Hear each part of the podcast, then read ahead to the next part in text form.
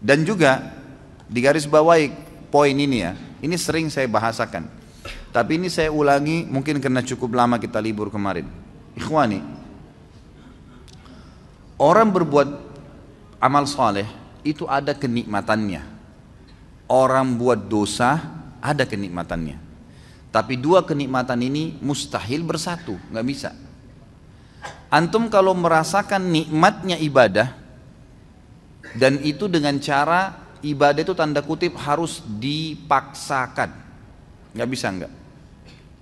Kalau antum tidak paksakan sholat malam mulai nanti malam bunyiin jam beker, atur sejadahnya, bubuhi minyak wangi, paksain diri bangun, mustahil sampai mati antum tidak akan sholat malam.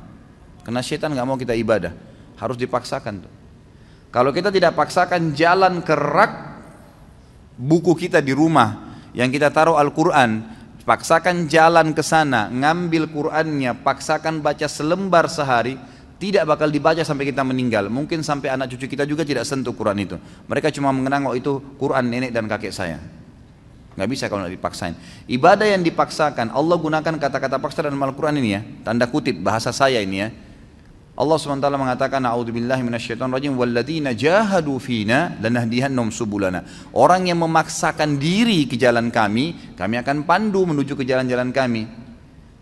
Kalau kita biasakan paksakan diri, sesuatu yang dipaksakan di awalnya itu nanti akan menjadi sebuah kebiasaan. Kalau dia kebaikan maka akan baik tuh.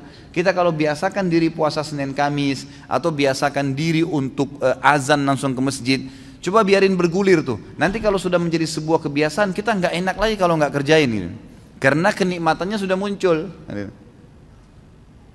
Kalau ada orang yang setiap azan ke masjid, sebulan aja misalnya dijaga sama dia, Nanti gak enak tuh, sekali aja ke, ke, ke, terlambat satu rakaat masbuk, apalagi kalau ketinggalan sholat berjamaah, itu luar biasa penyesalannya, seperti sebuah gunung yang berat. Dari ini yang kata Nabi SAW, orang mukmin kalau berbuat dosa kecil, pelanggaran kecil sebenarnya, seperti gunung yang besar di atas punggungnya, berat rasanya, menyesal kenapa ya gitu. Sementara orang munafik kalau berbuat dosa besar, dianggap seperti lalat yang hinggap di hidungnya dan dia usir seperti ini kecil bagi dia.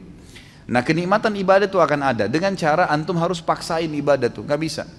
Ikhwani berhenti, berhenti membuka peluang buat syaitan, jin dan manusia yang terus membisikkan nantilah gampanglah kamu alim ya berubah ya sok alim dan segala macam istilah. Habis sudah masalahnya itu. Saatnya kita hijrah. Sampai kapan kita mau dengar syaitan-syaitan nih semuanya?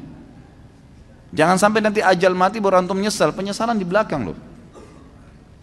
Kalau antum meninggal dalam kondisi ada sholat yang ketinggalan luar biasa nyesalnya itu. Kalau kita meninggal dalam kondisi tabungan kita penuh nggak sempat disodakain, pastikan demi Allah antum akan nyesal.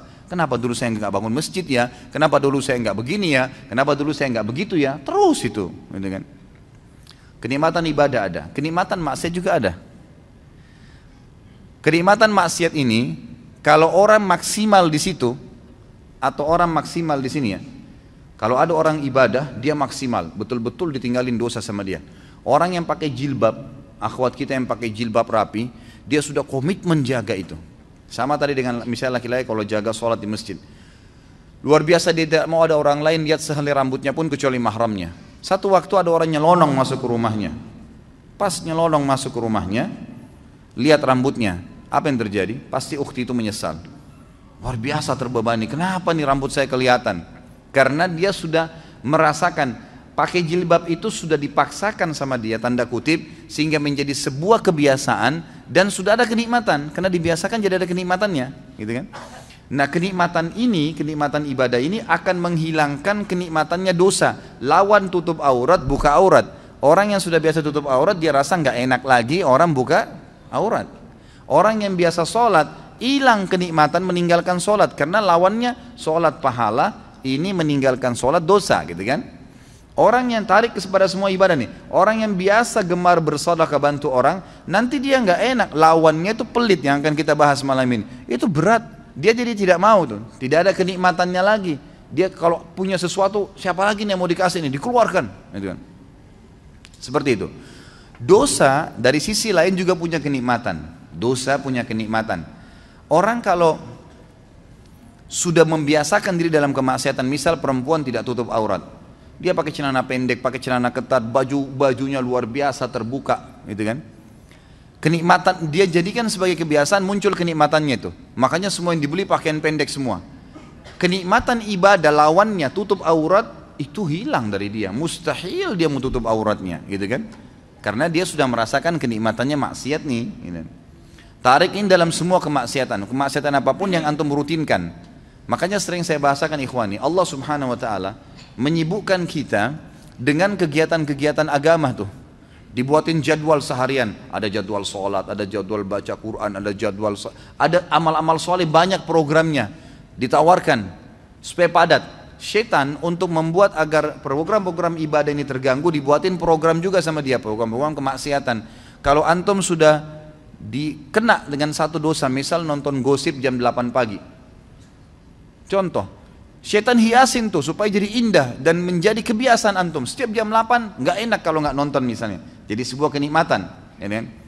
Maka antum tidak akan mau diganggu jam itu kegiatan apa pun mau baca Quran mau mengaji mau apa pokoknya harus saya nonton ini gitu kan dibuat kenikmatan kalau kenikmatannya sudah muncul maka kenikmatan ibadah tidak ada kalau ada orang maksimal di sini dia nikmatin ibadahnya dia tinggalkan benar-benar 100% dosa itu yang luar biasa itu yang kita harapkan kalau ada orang yang maksimal juga di dosanya tidak pernah beribadah kalau menurut saya dengan kacamata dia ya, saya bicara dengan kacamata orang yang bermaksiat, itu bagus dia.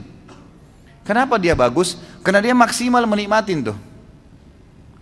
Kalau ada orang yang tengah-tengah, nah ini yang paling banyak nih. Mudah-mudahan di sini tidak ada. Di tengah-tengah, dia mau ibadah, tapi juga disisipin untuk maksiat.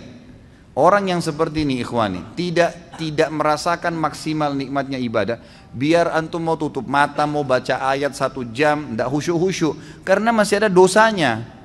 Kalau berimbang dua-duanya ini nggak ada kenikmatannya ini juga nggak ada kenikmatannya.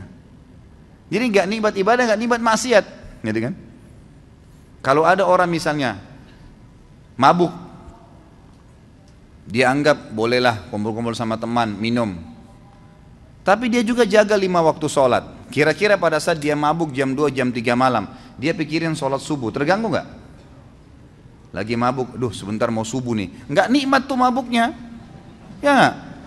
Nggak maksimal, karena dia masih terbebani dengan sholat subuh. Jadi kalau ada orang mabuk sekalian, dia nggak pikir sholat, itu maksimal dia. Dia nikmatin, tapi ingat ujungnya neraka, bukan saya sarankan ya. Ujungnya neraka nih. Tapi saya coba datangkan ikhwani supaya antum keluar dari poin yang ini nih. Ada orang di sini, jadi dia masih membuka diri untuk kemaksiatan sehingga ibadahnya nggak pernah bisa khusyuk karena dia masih buka pintu ini. Jadi nggak bisa. Di sini nggak nikmat, di sini nggak nikmat.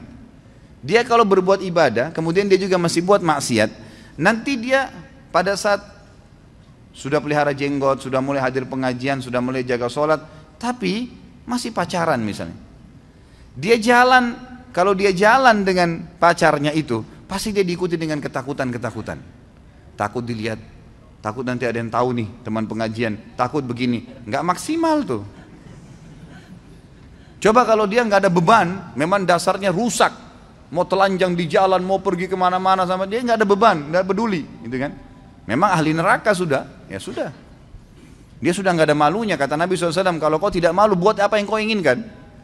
Nah ini dia rasakan maksimal di situ. Tapi ujung-ujungnya konsekuensi ada, dosa dan masuk neraka gitu kan. Jadi antum tidak ada opsi. Menjadi orang yang mukmin memang sejati, nggak ada lagi peluang untuk maksiat. Udah habis ceritanya tuh. Bisikan-bisikan setan untuk gini, untuk gitu, negosiasi supaya masih mau ngurangin kehusuan pahala, ngurangin sedekahnya.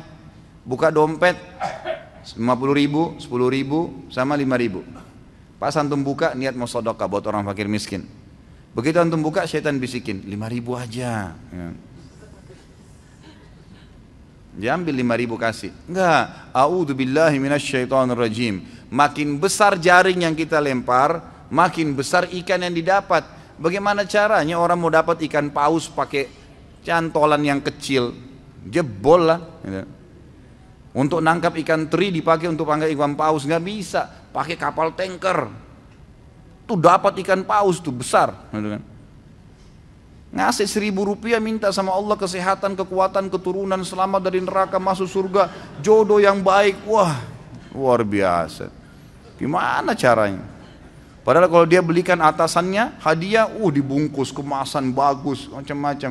Kita kalau kasih fakir miskin ikhwani, itu kita bukan kasih dia sebenarnya. Kita seperti memberikan hadiah kepada Allah itu. Makanya para ulama mengatakan Urwa Ibn Zubair rahimahullah seorang ulama tabi'in yang masyhur Beliau mengatakan, jangan kalian menganggap sama sekali sodaka yang kalian keluarkan itu bentuk sodaka, itu hadiah yang kalian berikan kepada Allah.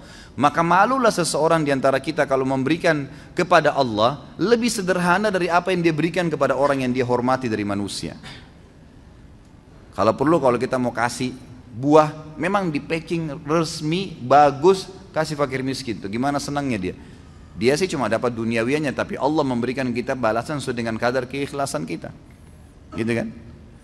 Jadi di sini maksimalin, maksimal ke sini dan ini sudah tolak. Saatnya hijrah nggak bisa sampai kapan nih? Gitu.